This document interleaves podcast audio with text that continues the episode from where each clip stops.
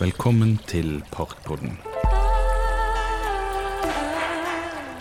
Endelig så er vi faktisk i parken denne gangen. Og i dag så har vi da Ada og Grete med oss. Og Ada, hva er det vi skal snakke om i dag? I dag skal vi snakke om Torborg Nedreås Ja. og Herdis og Nygårdsparken. Og vi skal finne igjen Torborg og Herdis i parken.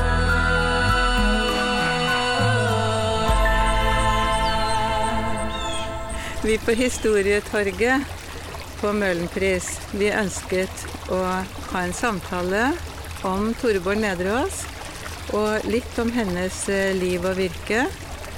Og da ville vi snakke med Grete. Jeg heter Grete Fatima Sayed og har eh, skrevet den boken 'En sommer med Nedreås' som kom ut i fjor. Dessuten så er jeg eh, styreleder i Torborg Nedreås-selskapet. Nå, nå står vi på en av broene i parken, og her sto Herdis en gang i sitt liv med krystallet sitt, og så ned i vannet. Og da, Grete, lurer jeg på Tror du hun så det samme som vi ser nå? Ja, litt så hun jo det samme. Eh, Nå er det veldig fristende å si at det har rent mye vann under broen siden sist, men, men vannet er jo på en måte det samme, for det er nokså brunt og guffent nå òg. Det er litt slimete og øh, ja, sånn litt uappetittlig, og litt det her at som alltid er med vann, syns jeg, at du, du vet jo ikke hva som skjuler seg nedi der. Som Nedre hos oss sier i 'Musikk fra en blå brønn'. Men ehm, ja, hun så vel litt av det samme. Så vidt jeg husker så var det jo høst når hun så gjennom trylleglasset. Og her i dag er det bare helt utrolig fin vår, nesten på det aller fineste som vi, våren har å by på. Med kirsebærtrær og rhododendron og, og alt. Så ja, det svaret er vel begge deler. Det blir litt sånn dobbelt, et dobbelt bilde.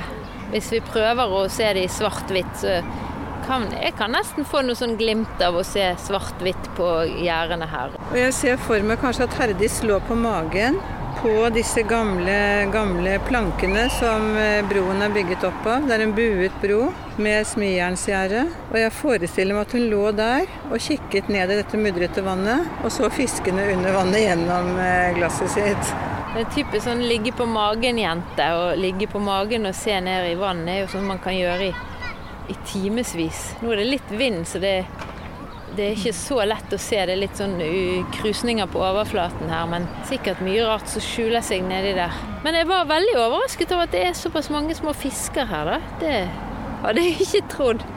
Det så jo Herdis òg. Så Torbjørn Nedreås må jo ha gått her og sett både fisker og feite rotter og mudrete vann og Tror du Torborg Nedreås brukte parken en del, eller? Vil jo nesten tro det, men jeg vet det ikke. Hun bodde jo her, altså Hun bodde her jo ikke så lenge, da. på en måte. Hun var født på Minde, og så bodde hun flere steder på Møhlenpris, hun kaller Sølverstad, opp gjennom barndommen. Og så ble hun gift på Paradis, som ikke var noe paradis i det hele tatt, fordi at han mannen var jo ikke noe grei, etter som historien går. Eh, og så under krigen dro hun og moren, da var hun skilt og hadde to små sønner, og de dro til Stord for å være trygge der, pga. at eh, moren var jo Det var jo jødisk innslag i familien. Og der traff hun den andre ektemannen og flyttet til Nesodden, og borte ble hun. Og det kan jo være det derfor Bergen aldri helt har eh, vært seg sitt ansvar bevisst eller trykket henne til sitt bryst. Det tenker jeg kan være både fordi at hun hadde forlatt Bergen for bestandig, og fordi hun var kommunist. Ganske så rødglødende og tydelig. Men, men Torborg Nederås eh, har valgt en sånn beskrivende stil, og valgt å beskrive veldig mye sanseinntrykk. Samtidig som hun hadde et helt klart eh, samfunnsengasjement og klasseperspektiv på samfunnet. Ser du noen sammenheng i det?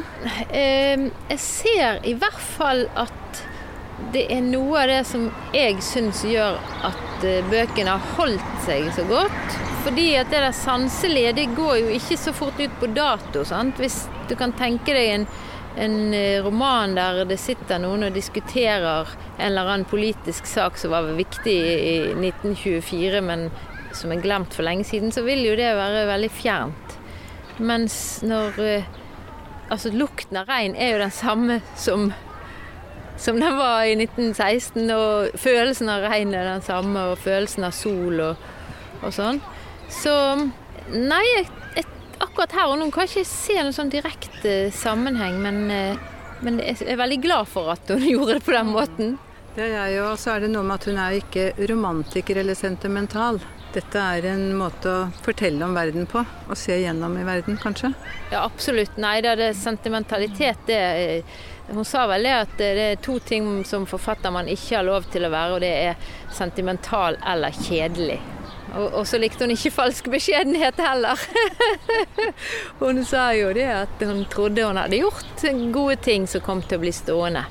Det var vel da særlig i den boken vi ikke har snakket om, av 'Måneskinn gror det ingenting', som i hvert fall hun var sikker på i et intervju at den, den kommer til å overleve meg, sa hun. Fordi at det er jo en roman som på en måte er veldig annerledes enn Herdis-bøkene.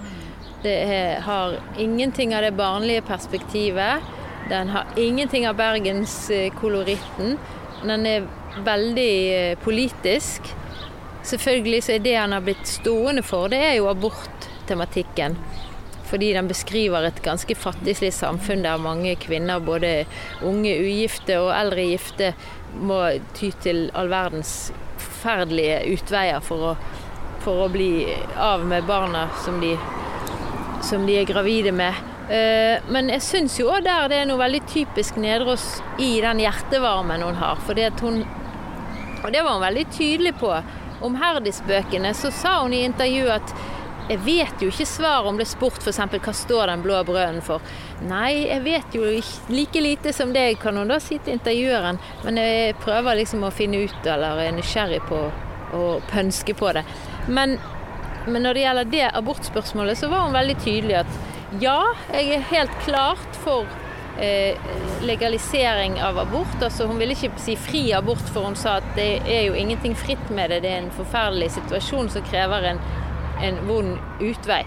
Men det som hun var like tydelig på, var jo at det, det som er på en måte hovedmålet, er jo at det skal være et samfunn der alle barn blir ønsket velkommen, og der ikke verken seksualmoral eller økonomi skal være sånn at, at de blir tvunget til det. Så det er jo det eh, temaet. Men utenom det så er jo 'Måneskinn gror det ingenting' òg en helt fantastisk kjærlighetsroman. Rett og slett helt eh, de som ikke har lest den, bør bare sporenstreks sette i gang. Da kan det være siste oppfordring, og så sier vi takk til Grete. Tusen takk for meg.